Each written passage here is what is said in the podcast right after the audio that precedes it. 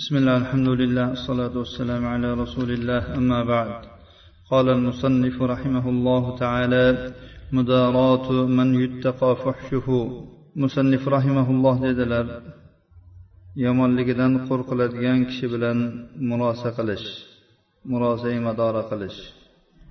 عن عروة بن الزبير أن عائشة أخبرته أنه استأذن على النبي صلى الله عليه وسلم رجل فقال ائذنوا له فبئس ابن العشيرة أو بئس أخو العشيرة. فلما دخل ألان له الكلام. فقلت له يا رسول الله قلت ما قلت ثم ألنت له في القول. فقال أي عائشة إن شر الناس منزلة عند الله من تركه أو ودعه الناس اتقاء فحشه. urvat ibn zubayrdan rivoyat qilinadi oysha onamiz unga aytgan ekanlar bir kuni nabiy sollallohu alayhi vasallamning huzuriga kirish uchun bir odam izn so'radi. Rasululloh sollallohu alayhi vasallam unga ruxsat beringlar dedilar va aytdilarki bu qanday ham yomon odam. U kirgan paytda rasululloh sollallohu alayhi vasallam unga yumshoq so'zladilar. So'ngra men rasululloh sollallohu alayhi vasallamga aytdimki ey rasululloh siz u haqda nima degan bo'lsangiz dedingiz. So'ngra u kirgandan keyin unga yumshoq so'zladingiz. U zot aytdilarki ey oysha odamlarning olloh huzuridagi yomonrog'i odamlar uni yomonligidan qo'rqib tark qilgan kishidir. Hadis muttafaqun alayh. Imom buxoriy va muslim rivoyat qilganlar. Ba'zi bir lug'aviy ma'nolarga to'xtalib o'tamiz. Odamlar uni yomonligidan qo'rqib uni tark qilishgan kishi. Bu degani murosa qilish degani madorot qilish degani madora qilish degani. Ibn battol aytadilarki murosa qilish mo'minlarning axloqlaridan. Murosa qilish degani odamlarga yumshoq muomala qilish yumshoq so'zlash ularga qo'pollik qilmaslik. Mana shu ishlar do'stlik va ulfatlikning eng kuchli sabablaridandir. Ba'zi bir kishilar murosa bu tilyog'lamalik deb o'ylashadi. Bu noto'g'ri. Chunki murosa qilishga chaqirilgan targ'ib qilingan. Ammo tilyog'lamalik esa haromdir. Bu ikkisi o'rtasidagi farq shuki tilyog'lamalik bu dahona degan so'zdan mudohana dahona degan so'zdan olingan. Bu bir narsani izhor qilib boshqa narsani ichida yashiradi. Ya'ni ichida bo'lmagan narsani ko'rsatadi. Xuddi munofiqlarni holatiga o'xshash. Ulamolar mudohanani fosiq bilan kelishib yashash ulfatlashish va uni qilayotgan ishlariga rozi bo'lish unga bir inkor qilmaslik deganlar. Ya'ni fosiq odam bilan bemalol xotirjam uni qilayotgan ishlaridan ranjimasdan inkor ham qilmasdan birga yashayveradi mana shu holat mudohana deyiladi. Mudorat esa murosa esa bu johil odamga ta'lim berishda yumshoq bo'lish. Fosiq odamni qilayotgan ishidan qaytarishda ham yumshoq bo'lish. Unga qo'pollik qilmaslik. Unga qo'pollik qilinmaydi va u qilayotgan ishni oshkor qilib fosh qilib ham yubormaydi. Balki sekin yumshoqlik bilan unga tushuntiradi. Unga so'zda ham fe'lda ham lutf bilan ohistalik bilan inkor qiladi. Xususan agar uni ulfat qilishga ehtiyoj topiladigan bo'lsa. Hadisimizdagi munosabat shu bo'lgan. Rasululloh sollallohu alayhi vasallam uni ulfat qilish maqsadida ya'ni ranjitmaslik uchun uni hurkitib ranjitib yubormaslik uchun yaxshi gap gapirganlar. Hadisimizning roviysi bilan tanishib chiqamiz.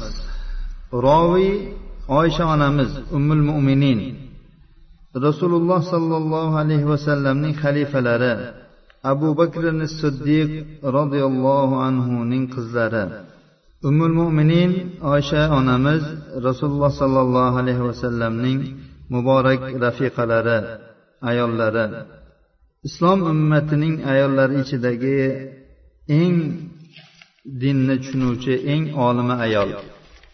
Oysha onamizning volidalari ummu rumon bint amir ibn uvaymir ibn abdushams ibn itob ibn uzayna al kinaniya oysha onamizni madinaga ota onalari hijrat qildirganlar. Nabiy sollallohu alayhi vasallam oysha onamizga hijrat qilishlaridan avval siddiqa hadija bint huvaylid onamiz vafot qilganlaridan keyin uylanganlar. Bu hijratdan o'n oydan ko'ra oshiqroq muddat avvalida. Oysha onamiz bilan hijratning ikkinchi yilida badr g'azotidan qaytganlaridan keyin turmush qurganlar o'sha vaqtda oysha onamizning yoshlari to'qqiz yoshda edi. Oysha onamiz rasululloh sollallohu alayhi vasallamdan otalari abu bakrdan umardan saaddan hamzat ibn amr al aslamiy va boshqa kishilardan juda ham ko'p va foydali ilmlarni rivoyat qilganlar. Oysha onamizdan esa ibrohim zaydin nahaiy va ibrohim ibn yazid tamimiy ishoq ibn talha va boshqa ko'plab tobeinlar rivoyat qilganlar. Ba'zi sahobalar ham. Oysha onamizning rivoyat qilgan hadislarining umumiy adadi ikki ming ikki yuz o'nta. Imom buxoriy va muslim muttafaqun alayh rivoyat qilgan hadislar soni bir yuz yetmish to'rtta. Imom buxoriy alohida ellik to'rtta hadislarni rivoyat qilgan bo'lsalar imom muslim oltmish to'qqizta hadislarni alohida rivoyat qilganlar. Oysha onamiz islomda tug'ilganlar. Oysha onamiz fotima roziyallohu anhodan sakkiz yosh kichiklar. Oysha onamiz o'zlari haqida aytadilarki men esimni tanigan paytimda ota onam islom dinida edilar. Mazkur narsalar alloh subhanahu va taolo oysha onamizni alohida rabboniy e'tibor bilan xoslaganligiga ishora qilmoqda. Oysha onamiz payg'ambarlik va vahiy quchoqlarida islomiy oilada islomga birinchilardan bo'lib kirgan ikki ota onaning nazorati ostida o'sib ulg'aydilar alloh subhanahu va taolo oysha onamizning otalari abu bakrni qur'onda xos zikr qildi alloh taolo deydiki إذ هما في الغار إذ يقول لصاحبه لا تحزن إن الله معنا u ikkilari g'orda bo'lganlarida. Payg'ambar sollallohu alayhi vasallam sherigiga aytdilarki siz mahzun bo'lmang alloh taolo biz bilan birgadir. G'orda rasululloh sollallohu alayhi vasallam bilan faqat abu bakr bo'lganlar. Go'yoki rabboniy inoyat oysha onamizni rahmat payg'ambari uchun munosib ayol va ummat uchun murabbiya va mudarrisa bo'lishi uchun tayyorlayotgan edi. Oysha onamizdan rivoyat qilinadi dedilarki rasululloh sollallohu alayhi vasallam dedilar men sizni uch kecha ketma ket tushimda ko'rdim. Sizni bir farishta ipakdan bo'lgan bir matoga o'rab olib kelardi va aytardiki bu sizning ayolingiz. Men o'zimga o'zim aytdimki ya'ni rasululloh sollallohu alayhi vasallam aytmoqdalar agar bu alloh taolo tomonidan bo'ladigan bo'lsa bu ishni bo'ldiradi.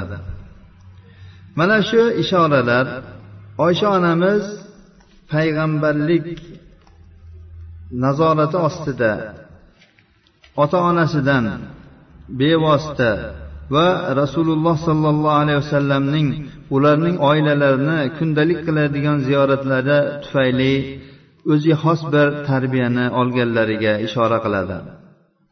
Oysha onamiz boshqa ayollardan ko'p narsalarda farq qilganlar. Ali ibn zayd ibn judondan u buvisidan e, rivoyat qiladi. Oysha onamizdan rivoyat qilgan ekanlar.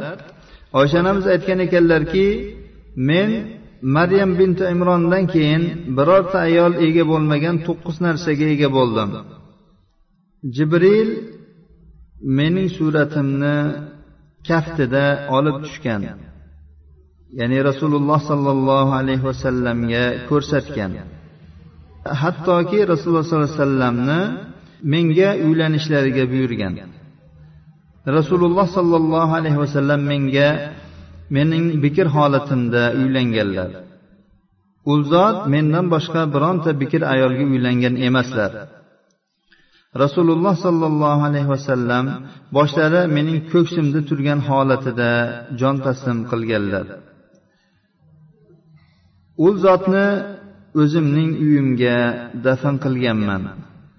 Farishtalar mening uyimda saf tortib turganlar. Rasululloh sollallohu alayhi vasallamga vahiy mening joyimda turganlarida nozil bo'lardi. Men u zotning xalifasi va siddiqining qiziman mening uzr ma'ziratim osmondan nozil bo'lgan. Men toyyib uchun yaratilgan toyyibaman menga mag'firat va ulug' rizq va'da qilingan. Bu gaplarni oysha roziyallohu anha ummul mo'minin o'zlari o'zlari haqida gapirib bermoqdalar. Oysha onamiz payg'ambarona namuna bo'lishlari va ilmlari butun atroflarga yoyiladigan faqiha va mudarrisa bo'lishlari uchun alloh taolo ul onamizni alohida xoslab qo'ygan narsalarni o'zlari sanab berdilar. Rasululloh sollallohu alayhi vasallamning oysha onamizni yaxshi ko'rishlari hammaga ma'lum edi. Shuning uchun ham sahobalar agar rasululloh sollallohu alayhi vasallamga hadya bermoqchi bo'lsalar rasululloh sollallohu alayhi vasallamning roziliklarini umid qilib oysha onamizning kunida hadyalarni berishardi. Shom ibn urvadan rivoyat qilinadi u otasidan oysha onamiz aytdilarki odamlar hadoyalar bilan mening kunimni poylashib turishardi. Dugonalarim ummi salamaning oldiga yig'ilishdi ya'ni kundoshlarim. Bu yerda kundoshlarim demayaptilar dugonalarim deb aytyaptilar. Ummi salamaga aytdilarki odamlar hadyalari bilan shu oyshani kunini poylashadi. Biz ham yaxshilikni xohlaymiz xuddi oysha xohlagandek siz rasululloh sollallohu alayhi vasallamga ayting odamlarga buyursinlar. Odamlar qaysi kun xohlashsa qayerda bo'lsa hadyalarni berishaversin. Ummu salama bu narsani rasululloh sollallohu alayhi vasallamga aytdilar. Rasululloh sollallohu alayhi vasallam javob bermadilar. Ikkinchi marta aytdilar yana javob bermadilar. Uchinchi marta aytdilar. Shunda rasululloh sollallohu alayhi vasallam aytdilarki ey ummu salama menga oysha haqida ozor bermagin. Allohga qasamki menga vahiy sizlardan birorta bir ayolning joyida tushmagan bu bilan rasululloh sollallohu alayhi vasallam oysha onamizning joyida tushganligiga ishora qilyaptilar va oysha onamizning fazliga ishora qilyaptilar. Mana shu javob oysha onamizning boshqa ummahotul mo'mininlarga nisbatan afzal ekanliklariga dalolat qilmoqda. Bu ilohiy amr. Mana shu tufayli ham rasululloh sollallohu alayhi vasallam oysha onamizni ko'proq yaxshi ko'rganlar. Islom dushmanlari tushungandek rasululloh sollallohu alayhi vasallam oysha onamizni ba'zi bir moddiy sabablarga ko'ra yaxshi ko'rgan emaslar. Balki alloh taoloning rahma oyatining tirik tadbiqi va muborak namunasi bo'lishlari uchun oysha onamizni yaxshi ko'rganlar. Alloh taolo aytganki alloh taolo sizlar o'rtangizda ya'ni er xotinlar o'rtasida muhabbat va rahmatni qilib qo'ygan. Va rasululloh sollallohu alayhi vasallam aytganlarki sizlarning eng yaxshingiz ahli oilasi yaxshilaridir. Men sizlarning ichingizda ahlimga eng yaxshirog'ingizman oysha roziyallohu anhu ilm kalam ibodat va jihodga to'la va din bilan ijtimoiy hayot o'rtasini bog'lagan hayotni boshdan kechirdilar. Oysha onamizning hadis ilmida bo'lsin fiqda bo'lsin faroizda bo'lsin chuqur ilmlari va o'tkir fahmlariga dalolat qiluvchi bir necha holatlar bordir. Ibn abbos roziyallohu anhu o'lim soatlari kelib qolgan paytda oysha onamizning huzurlariga kirish uchun izn so'rab keldi. Shunda oysha onamiz ha ey ibn abbos dedilar. Ibn abbos aytdilarki siz rasululloh sollallohu alayhi vasallam ayollarning eng seviklisi bo'lgansiz. Rasululloh sollallohu alayhi vasallam faqat yaxshilarni yaxshi ko'rardilar abu kechasida sizning marvaridingiz tushib qoldi. Shunda alloh subhanahu va taolo fatayammamu saidan tayyiba oyatini nozil qilib tayammumga ruxsat berdi. Bu sizning sababingizdan bo'lgandi. Alloh subhanahu va taolo bu ummatga mana shu ruxsatni siz tufayli tushirganda so'ngra alloh subhanahu va taolo sizning pok ekanligingizni yetti osmon ustidan nozil qildi.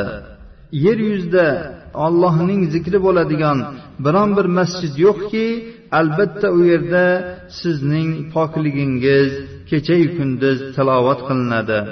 Shunda oysha onamiz aytdilarki ey ibn abbos bu gaplarni qo'ygin. Allohga qasamki men umuman esdan chiqarib yuboriladigan bir narsa bo'lsamidi qaniydi dedilar. Qaysdan rivoyat qilinadi aytdilarki oysha onamiz o'zlarini o'z xonalarida rasululloh sollallohu alayhi vasallamlar yonida dafn qilinishini o'ylab yurardilar.